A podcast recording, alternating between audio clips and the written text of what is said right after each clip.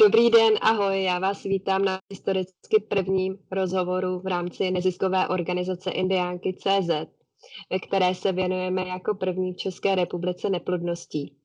A dnešní host, Kristýna Karpálová, se vlastně věnuje také o světě tabuizovaných témat, syndromu MRKH. Kristýnu jsme měli možnost vlastně poznat v rámci Social Impact Award, protože tam byla se svým projektem Neovej a vyrábí nebo vyvíjí se svým přítelem vlastně diletační pomůcky pro ženy s tímto syndromem. Já tě, Kristý, tady u nás vítám a děkuji, že jsi přijala naše pozvání. Já taky moc děkuji. Já tě taky vítám, Kristý, ahoj. Ahoj. Odkud, Kristý, vůbec voláš a jak se dnes máš? Volám vám z Prahy, ze svého bytu, kde teďka žiju a, a mám se dobře, mám se skvěle, moc jsem se těšila. Jak prožíváš vůbec karanténu a lockdown? Jo. No, je to takový domácí, co, co si budem. A jsem právě ráda, že vás vidím aspoň přes to video. Nějaký kontakt. Takže tak. Jasně. A e, ty teďka studuješ, Kristý, nebo e, čemu se vlastně věnuješ? Jo. Já studuju, teďka jsem uh, dokončila, protože jsme to měli i díky koronaviru právě posunuté, ty naše státnice, takže jsem uh, končila až teďka uh, v říjnu. A úspěšně jsem pak ještě navázala, takže pokračuju ve studiu teďka na magisterském. A pokračuju eh, na ČVUT, předtím jsem byla na Umprum a teďka jsem přišla na ČVUT, takže je to pro mě i nové prostředí, nové, noví lidé a moc jsem se tam těšila a zároveň jsem byla i smutná, že vlastně to, eh, nic z toho moc nemám, že furt koukám jenom do obrazovky na online prezentace, takže tak. Ale těším se, až to začne všechno běhat normálně. Mm-hmm. Věřím, že i tato škola a vlastně tvé zaměření na design vlastně pomohlo i ve tvém projektu, ale k tomu se dostanem. Já začnu asi takovou otázkou, jak to u tebe začalo, celý ten tvůj příběh? Já jsem v 15 letech jsem nedostala žádnou menstruaci, takže jsem šla na, na gynekologické vyšetření a tam vlastně mě pan doktor vyšetřil a nemohl najít poševní vchod, nemohl najít ani uh, dělohu, nebo ji tam pořádně neviděl. A tak mě poslal pak k paní doktorce Geržové do Ostravy, kde jsem uh, k ní šla vlastně na vyšetření. Tam jsem podstoupila laparoskopickou operaci, což je operace, kdy vám dají sondu přes bříško a vlastně uh, se kouknou, co je uvnitř a následně jsem se vlastně doslechla to paní, pro, paní doktorky Geržové, že mám MRKH syndrom. Tady tohleto, byla to docela dlouhá doba, než jsem se to dozvěděla úplně jako plnohodnotně, protože jsem nejdříve šla na první vyšetření, pak jsem šla na druhé vyšetření, pak jsem šla na hormonální vyšetření, jestli mám hormony v pořádku, pak uh, jsem šla právě na tu laparoskopickou operaci, to jsem musela objednávat na laparoskopickou operaci, takže vlastně celý ten pro, jako proces třeba trval skoro až jako rok, že až v 16 jsem konečně věděla vlastně, co mám a jak to mám. Takže, no. Uh-huh. Uh, co se dělo potom? Uh, jo, no, potom vlastně byl takový střech pro mě v životě, protože se o tom moc nemluvilo ani u nás doma. Vlastně se věděla ta diagnóza, ale každý, i ten doktor říkal, že se to bude řešit vlastně až já budu jako dospělá, nebo až, až budu chtít mít sexuální jako život a že pak mám jako za nima přijít, že, že si něco vymyslí. Takže já jsem vlastně nedostala ani pořádně nějakou odpověď, která by mě uspokojovala, a nebo která, no vlastně se nestalo skoro vůbec nic. Jen jsem odešla s výsledkem, že mám nějaký syndrom, který nedokážu vyslovit, jako, který si nedokážu ani jako zapamatovat, co to je. A vlastně uh, a, a i ty lékařské dokumenty, tak to tehdy jako eh, měla moje máma, takže jsem vlastně fakt o tom nic moc nevěděla. Takže... A pro naše posluchače možná, aby věděli, co je vlastně syndrom MRKH a co ta šílená značka znamená, Je, je, nebo zkrátka. jo, je, super, že se ptáš. Uh, to je Mayer-Rokitansky Kissner-Hauser syndrom a je to vývojová, vrozená vývojová vada, která se charakterizuje a vlastně absencí poševního vchodu nebo uh, pochvy a vejcovodu. Každá ta žena s tady tímhletím jakoby syndromem má trochu jiný, jiný typ, uh, nebo jinak se to u ní vlastně projeví. Někdo může mít uh, třeba poševní vchod úplně celý, ale bude mu chybět děloha. Někdo zase bude mít eh, dělohu, ale nebude mít poševní vchod, a nebo naopak nebudeš mít ani poševní vchod, ani dělohu, ani vejcovody. A vlastně s tady tímhletím syndromem se ještě vážou další třeba skeletní eh, dysfunkce, dys, eh, no, dysfunkce a nebo tím může taky třeba chybět uh, ledvina, že se to často jako spojuje ještě jako s ledvinami a močovými cestami. Takže tam jsou ty problémy, třeba se to u některých třeba pacientek zjistí tak, že mají problémy třeba právě s ledvinami a pak později se zjistí, že mají i tady tenhle ten MRKH syndrom. Mm-hmm. Uh, jak se na takový syndrom vlastně dá přijít. Eh, tví, tkví to vlastně v tom, že ta žena nemá tu menstruaci? Je to ten primární příznak? Jo, já si myslím, že tady tohle je úplně ten nej,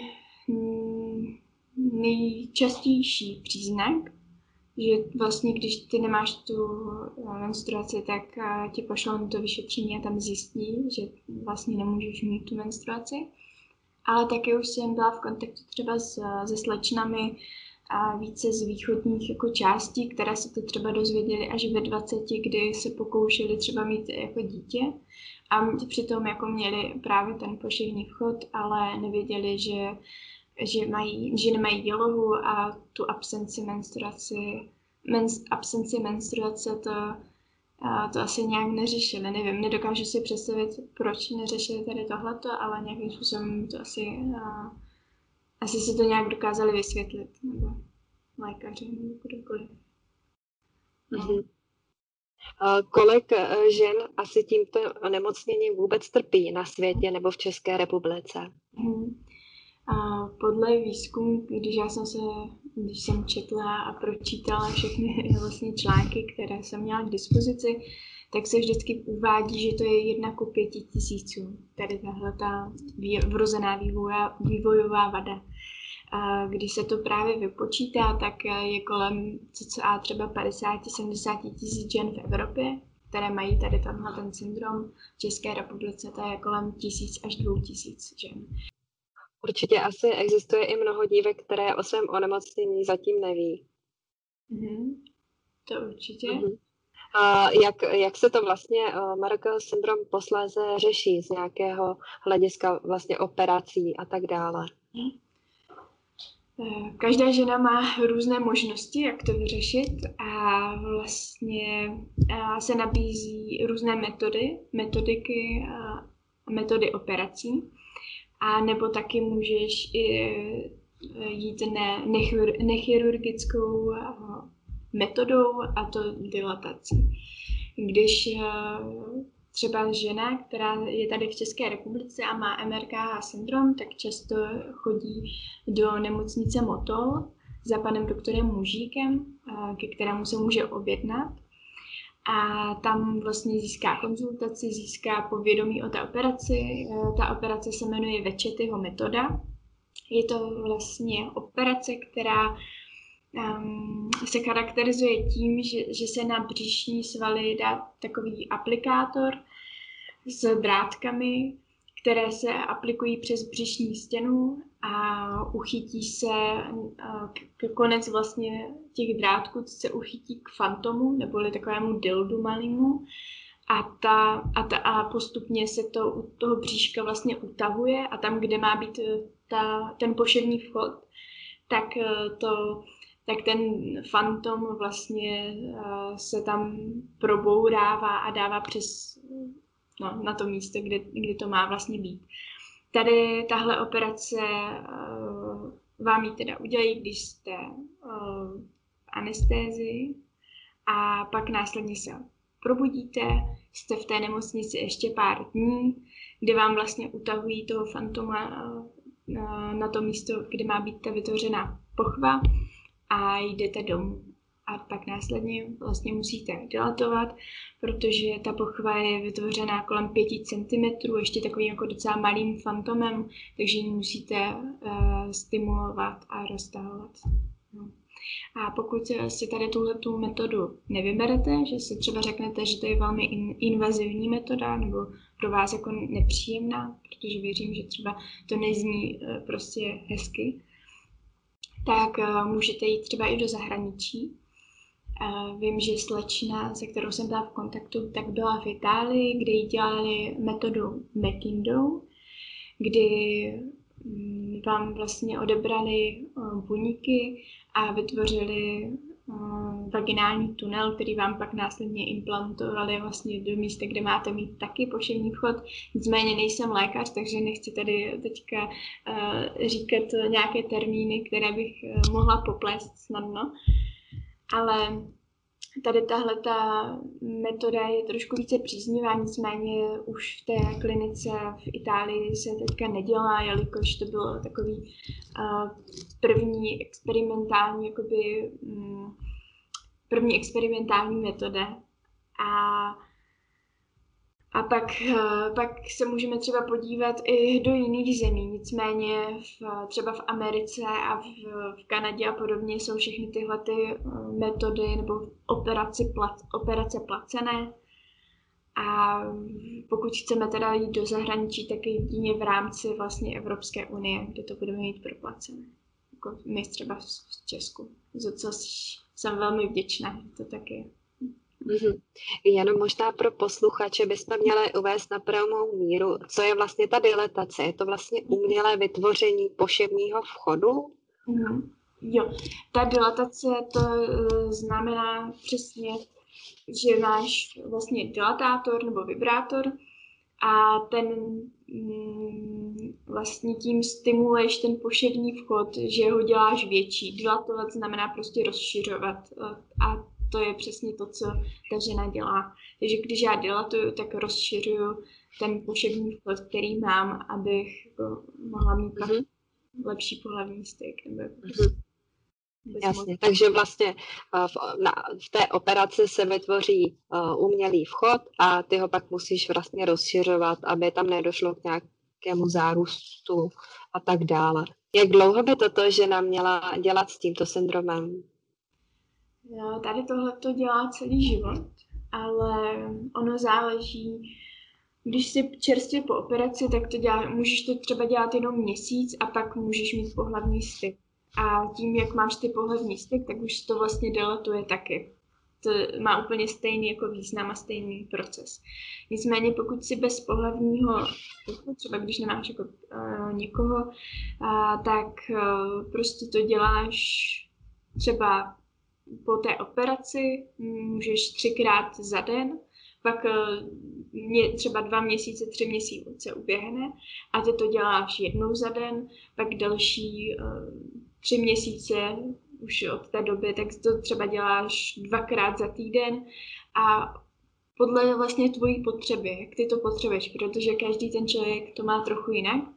E, někomu to jde lépe, někomu hůř, někdo má třeba ně, někomu ta sliznice se více i lubrikuje, někomu zase méně. A vlastně na tom všem záleží ale celkově, kdybych to takhle měla popsat, tak to děláš celý život, no, protože jinak by to nešlo. Nebo by to bylo pro tebe prostě nepříjemnější. Mhm. S tímto syndromem se eh, pojí vlastně i neplodnost. Jaké to pro tebe bylo z nějaké eh, psychické eh, stránky? Dokážeš říct, jak, co ti pomohlo vlastně se s tím vůbec eh, vyrovnat, protože to pro ženu není úplně jednoduché mnohdy. Řekla by si například, že je to nějaký celoživotní proces? Mm-hmm. Jo, já bych stoprocentně řekla, že to je celoživotní proces a že se to uh, vyvíjí v několika fázích. A ty, když třeba se to dozvíš v těch 16-15, tak si více obrněná, nebo možná někdo ne. Někdo má třeba tu fázi úplně prvotní, že právě v těch 15 třeba s tím úplně jako zdecimován a pak ve 20 už je s tím jako vyrovnaný. Ale já si myslím, že u mě je to tak, že já jsem se tady tohleto dozvěděla, nějak jsem s tím pracovala, ale ještě jsem vlastně si neuvědomovala tu neplodnost, nebo že to je jako tak jako silné třeba pro mě téma. Pak ve 20 to už bylo trošku jako eh, třeba více silnější a zase pak eh, ve 23, 24 jsem se třeba teďka s tím začala nějakým způsobem ještě lépe jako vyrovnávat, ale já si myslím, že že v každém tom vlastně období našem to bude trochu jiné a že člověk eh, nemůže říct, jaké to bude, nebo jestli to bude lepší nebo horší. Prostě to tady musíme zapracovat do toho našeho života. A jak na to vůbec reagovalo tvé okolí? Musela jsi to sama nejdříve srovnat eh, vlastně ty sama v sobě a pak s tím obeznámit třeba svou rodinu a své známé? Já jsem právě na prvním vyšetření byla s mamkou, takže ona o tom eh, věděla ze začátku, to jsem to teda nemusela vysvětlovat, ta o tom věděla. A pak jsem to pomalu odkrývala, nebo pomalu jsem to jako sdílela lidem, jako svému třeba nejlepšímu kamarádovi, se kterým se znám už 17 let, tak tomu jsem to jako řekla hned a to, byla, to bylo jako pro, prostě člověk uh, se který byl pro mě obrovskou podporou a vlastně díky němu se možná neprožívala ten syndrom tak jako silně, než kdybych ho neměla vedle sebe. Za to mu musím neskutečně poděkovat. Je fakt jako anděl, který mi byl tady seslán. A tím pádem to bylo všechno, no, že já jsem to řekla mu, řekla jsem to, nebo eh, moji rodiče to věděli, moje sestra to věděla a vlastně to je všechno, no. Komu jsem to fakt řekla v těch 16-18 letech asi. Takhle. A pak postupně, když jsem třeba měla nějaké partnerství, tak to jsem už říkala poměrně na začátku hned, když jsem s tím člověkem byla protože jsem člověk, který moc neumí lhát a nemám to ani ráda, jakože za prvé je to zrovna taková vada, která v té chvíli išla jako docela hodně poměrně, neříkám vidět, ale kdybych s tím člověkem chtěla mít sexuální styk, tak to jako takhle zjistí. a já jsem, já jsem vlastně vždycky byla tím pádem jako upřímná, no, jako tady co se týká tohoto. Ale bylo to neskutečně nepříjemné a nevěděla jsem vlastně, jak, eh, jak to říct třeba někomu. A do dneška bych asi řekla, že nevím, jak bych eh, znovu někomu něco takového říkala. Vždycky, vždycky to je v jiné formě, jak to vlastně člověk říká. Mnohdy je to s traumaty tak, že vlastně spíš raději říkáme lidem, které, kteří nás neznají, než našim blízkým. Přesně, přesně, přesně tak. Já si myslím, že to je i můj případ, jako stoprocentně. co jsi v rámci tvé cesty o sobě vlastně naučila skrz tento syndrom?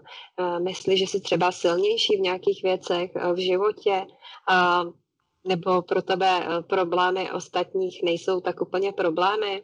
Eh, co, co tě to naučilo? Jo.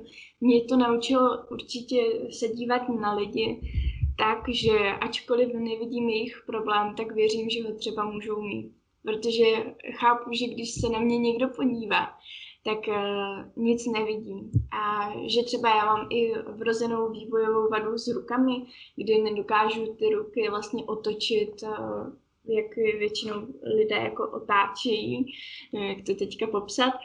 Ale mám, je, mám i zkrácené vlastně ty ruky a nedokážu je pořádně natáhnout. A je to vlastně věc, kterou, která je zároveň zahrnutá i s tímhletím syndromem, že, protože to je právě skeletní vývojová vada, No, ale nikdo to nikdy nevidí a nikdo to ani nepoznal. Vždycky, když to někomu řeknu, tak si řekne, co že, no tak to bych vůbec jako nevěděl, že to máš, kdybys mi to neřekla. A vlastně to mě naučilo se dívat na ty lidi jako nevím, ať už je to jakákoliv situace, když vlastně, nevím, někdo je na vás nepříjemný nebo tak, tak si prostě řeknete, nikdy nevíte, co je zatím vlastně. Takže to mě asi naučilo tady Děkuji za, za tvou upřímnost. Ani my jsme si toho nevšimli a myslím, že to je něco, co opravdu není vidět. Za mě teda poslední otázka, pak se bude ptát Kája. Um, když jsi vlastně rozhodla založit projekt Neovej a začít šířit o světu a mluvit o tomhle svém problému? Mm-hmm. Kde se nyní nacházíte a co vlastně vyrábíte? My jsme do, dostali jednou v roce 2017 ve škole takový úkol a semestrální práci. A právě nadizajnovat sexbota.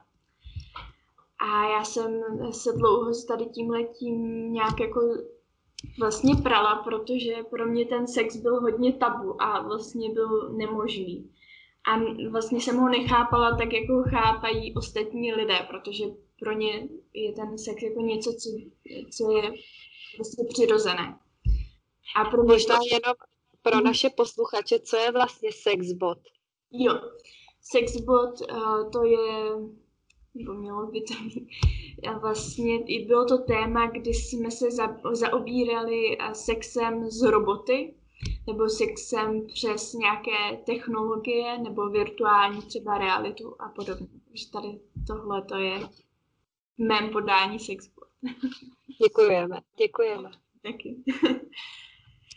No, tím pádem, abych navázala. Takže já jsem se oprala s tady tímhle tím tématem a nevěděla jsem ho, jak ho uchopit, protože pro mě sex vlastně nebyl, skoro dá se říct. A já jsem, ještě tehda jsem to konzultovala, měli jsme to zadané s člověkem Robin Kopecký, je to jako filo, uh, filozof, uh, skvělý člověk.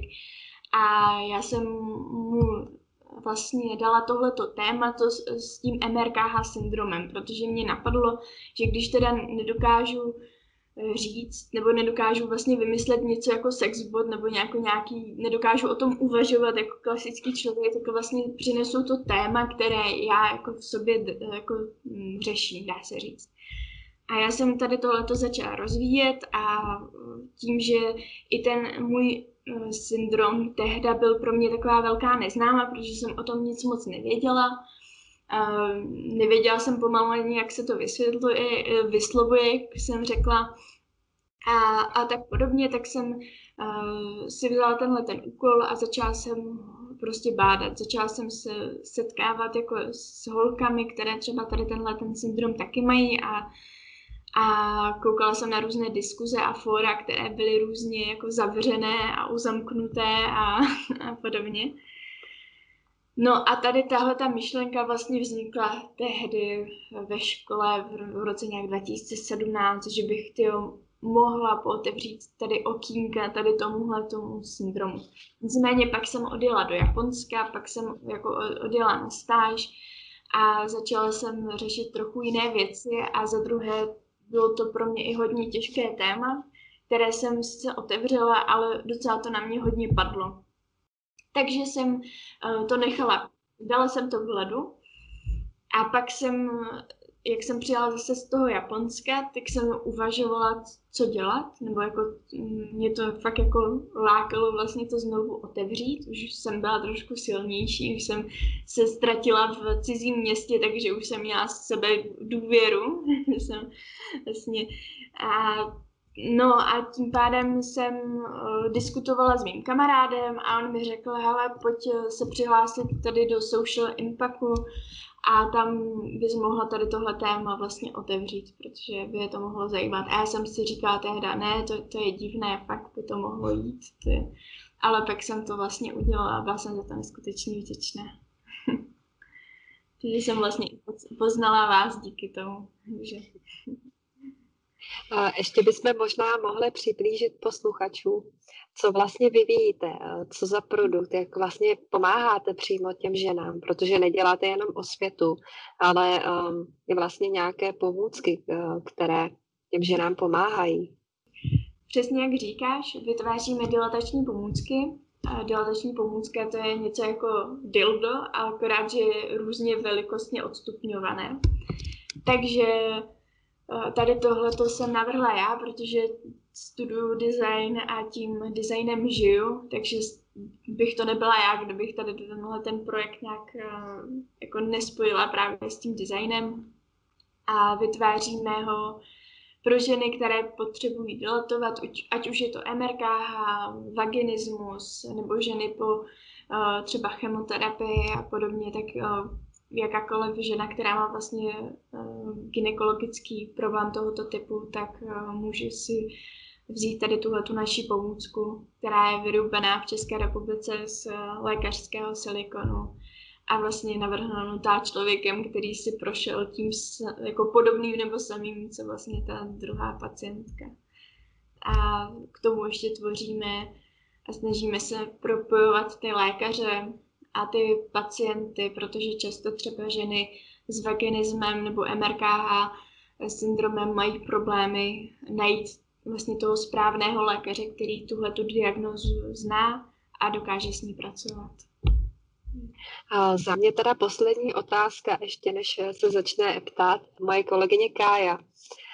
Je to něco, co na tomto trhu u nás chybělo, tyhle ty pomůcky? Jak se to řešilo předtím? Nebo jak se to řeší? Pro mě to určitě chybělo za mě. A jinak se to řeší tak, že se to objednává z Německa nebo z Velké Británie, prostě v zahraničí na Amazonu, tam se objednají, objedná ta pomůcka a to, tobě dorazí. Nebo i slečna, slečna, která byla právě v té Itálii, tak eh, ty pomůcky dostala. Nicméně pro mě to nebylo uspokojující, protože často si nevěděla, co ti přesně dojde, eh, jakou to bude mít kvalitu a taky tam byla i hodně časová prodleva. Což ještě se dá, jako dá, dá se to zvládnout, ale jak už říkám, já jsem tam viděla vlastně prostor pro tu změnu, věděla jsem, že jsem schopná jako tomu pomoci, takže jsem chtěla to udělat svojí iniciativou.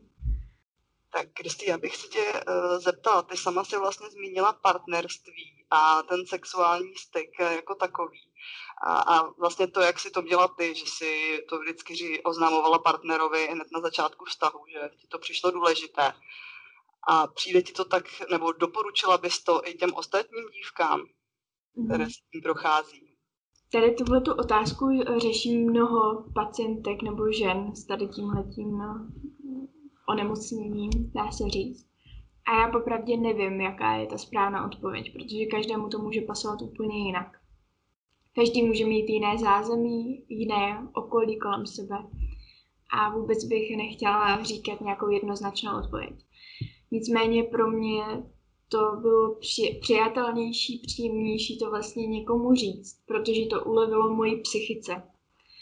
A ulevilo to tak, že já jsem to tomu člověku mohla sdílet, mohla jsem mu říct vlastně, co to je, s čím může počítat do budoucna. A ještě k tomu jsem pak mohla získat um, vlastně partnera, který to dokáže chápat. A, a kdybych třeba to neřekla a řekla to pak později, tak bych třeba se mohla i setkat s nějakou odpovědí, která by uh, nepasovala k tomu vlastně mému syndromu a vlastně já bych ztratila jak čas, uh, ztratila bych možná i trochu více jako Eh, nevím, sebevědomí nebo něčeho takového a vlastně bychom oba dva se pak stejně rozdělili a mně to přišlo teda v tom případě jako nelogické to neříct hned nebo neříct to třeba po několika týdnech. To je eh, tím, že já říkám hned, tak nemyslím, že hned jako první zkuska, že podáte ruku a že jo, já mám MRKH syndrom, by the way. to ne. Ale eh, vlastně co nejdřív, tak jak to cítíte vy, tak si myslím, že to je ten nejsprávnější jako pocit, nebo nejsprávnější jako mm, výsledek, nebo nevím teďka, jak to pojmenovat. Nicméně, jak říkám, je to i takový ten uh, sobecký, uh, sobecký postoj, že vlastně to uleví mě, uleví to moji psychice, jak už jsem tady říkala. A to je asi všechno, no, co bych teďka k tomu takhle dodala. Už jsme tady vlastně zmiňovali i tvé blízké a teď, kdybychom se to zobecňovali a kdyby jsme vlastně měli poradit uh, třeba posluchačkám a posluchačům, kteří jsou blízcí právě někomu, kdo tady ten syndrom má, tak jak bys jim doporučila anebo navrhla, jak se k tomu člověku vlastně mají přistupovat, jak se k němu mají chovat, aby to bylo citlivé a opatrné? Mm-hmm. Mm, tady bych asi taky chtěla upozornit, že nikdy nebude správná cesta, jak k tomu člověku přistupovat a jediné, co mohu říct, tak eh, k, já bych si přála, aby ke mně asi nikdo nepřistupoval jako k nějakému jako nemocnému člověku, stoprocentně. A aby to ani nezveličoval, nebagatelizoval, ale taky, aby to ne, nepře, já ježiš, teďka vůbec nevím to slovo, ale vlastně, aby to nenafoukl, že to je zase jako to nejhorší na celém světě, co se dá jako stát. To je taky zbytečné. Já taky nevím, jak reagovat na spousta věcí na tomhle světě. Takže já nemůžu radit někomu, aby, jako, aby vlastně, jak má reagovat, když já taky nevím, jak reagovat na člověka, který třeba nevím, nevím, třeba něco má a teďka mi řekne, že má nějakou nemoc a taky nevím, jestli reaguju správně. Prostě tady potřebuje být i nějaká míra empatie vlastně z té mojí strany, že, že musím jako akceptovat ten člověk, co mi dá, zároveň on musí jako nějakým způsobem vydedukovat, jak a co říct.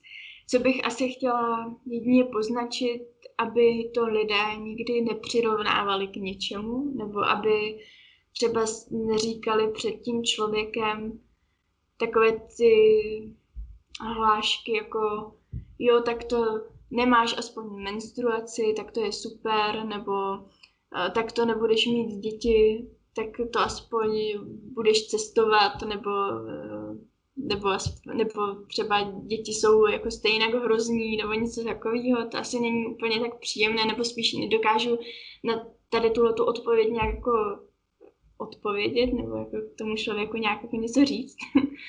ne, že by mě to naštvalo, jen fakt nevím, jak je reagovat.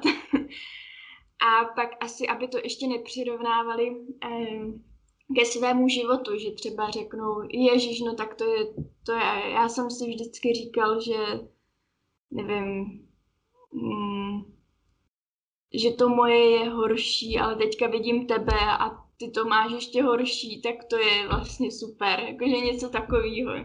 vlastně taky nevím, jak reagovat vlastně v téhle situaci, že, mě, že mi řekne ten člověk, že, eh, že je vlastně neříkám, že by byl rád, jenom říkám, že jen vlastně posuzuje sebe a mě a mě označuje, že to mám jako ještě horší a a je to třeba možné, nebo není to možné, protože spousta lidí jako je v různých životních fázích, má různé nemoce a podobně. Není nic horšího, není nic lepšího, jenom ten člověk neví, jak reagovat, jako třeba já, když mi někdo takový něco řekne.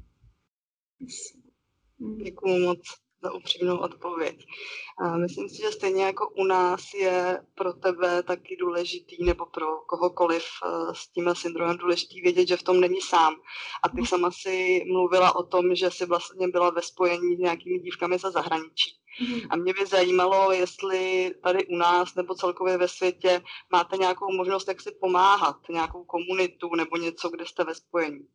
Tady eh, v České republice my se právě s Neohy snažíme tvořit tady tuhletu komunitu. Nicméně předtím tady byla slečna, která taky eh, studovala a už dostudovala lékařskou fakultu, vytvořila webové stránky, kde jsme ji mohli kontaktovat.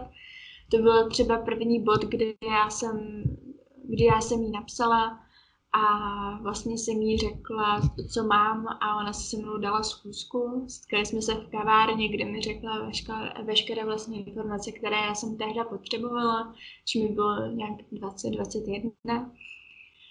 A vlastně to je všechno, co my tady máme. No. My, jediné, co tak jsou, byly vždycky fóra, takové ty, které asi každá z nás zná, kde se to snažili všichni tutlat různé soukromé eh, facebookové stránky a podobně.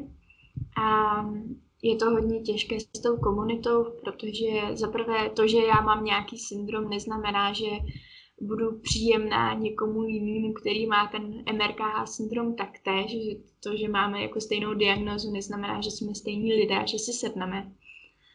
A taky to neznamená to, že, že s tím chceme být každý den kon- konfrontovány, konfrontovány. Takže ty ženy často utíkají vlastně od té své diagnózy a od toho, co mají. A, a mně to je trochu líto, protože mi přijde, že to není jako něco, od čeho bychom měli utíkat. Jenom si to máme přizpůsobit tak, aby se nám to vlastně líbilo v úvozovkách, nebo abychom prostě z toho mohli něco čerpat. Abychom se mohli ponaučit, abychom to mohli vnímat trochu jinak. A to mi vlastně tady v České republice chybí a snažím se to trochu otevírat a vlastně mm, kontaktovat ty lidi, kteří by byli ochotní se mnou taky sdílet své zkušenosti nebo vlastně svůj život. Jsme moc rádi. Vy jste s projektem Neovej také vyhráli Social Impact Awards Czech 2020. My moc gratulujeme, drželi jsme vám palce. A jestli se ještě teď trošičku vrátíme k tomu představení projektu, jaký je vlastně cíl Neovej? Hmm. Cíl Neovej je vytvořit tu pomůcku, kterou my teďka už tvoříme. Teďka jsme vyráběli první prototypy a ještě nám zbývá 10 setů vyrobit v Tanvaldu, v jedné firmě z lékařského silikonu. A vlastně jsme Náš, nej, náš původní cíl bylo vymyslet tuhle pomůcku, tak získat financování, pak ji vyrobit a udělat prototypy. A teďka jsme v takové fázi, kdy ty pomůcky už testujeme, když už ty prototypy máme a ještě budeme mít další, které bychom chtěli dát pak ještě jako dalším pacientkám, které vlastně my oslovujeme nebo oni oslovují nás.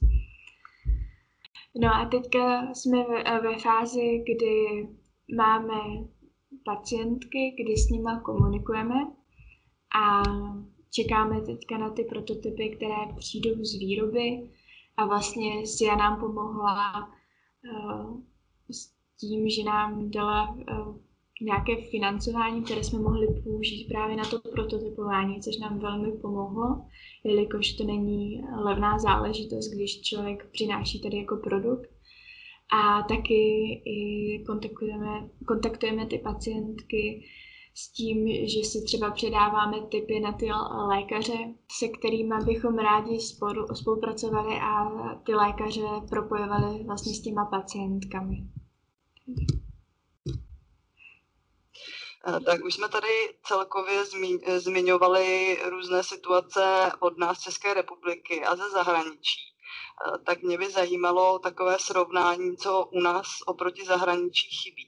U nás v České republice chybí zázemí, kde by se mohla pacientka vlastně obrátit nebo sdílet svoje příběhy, svoje poznatky, pocity, ale zejména taky chybí i kam by mohla jít za nějakým lékařem, který by se přesně věnoval tady tomuhle tématu a dokázal jí pomoci.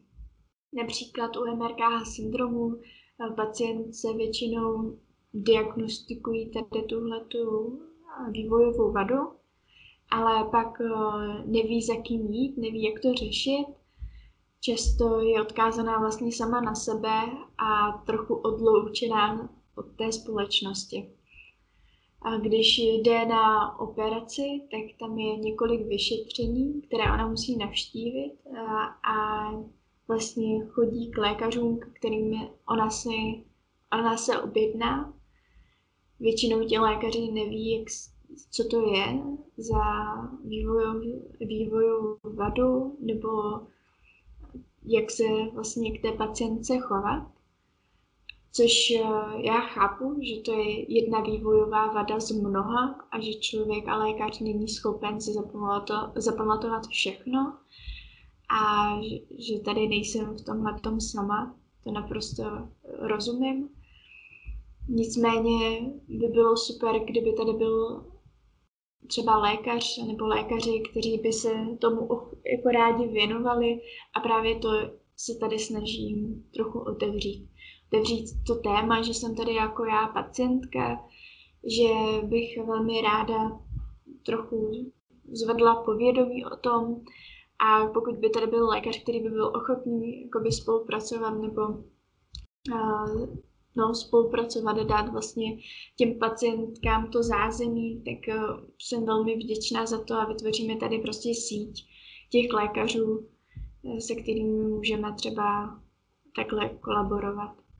Například třeba mám tady paní doktorku Janu Voborskou Neudickarovou, která je úplně skvělá a skvěle pracuje s pacientkami a například otevřeně, prostě otevřeně se mnou mluví o problému vaginismu, kdy těm pacientkám chce pomoci a vlastně tady tohle téma nebagatelizuje, protože většinou se stává, že to téma je bagatelizováno.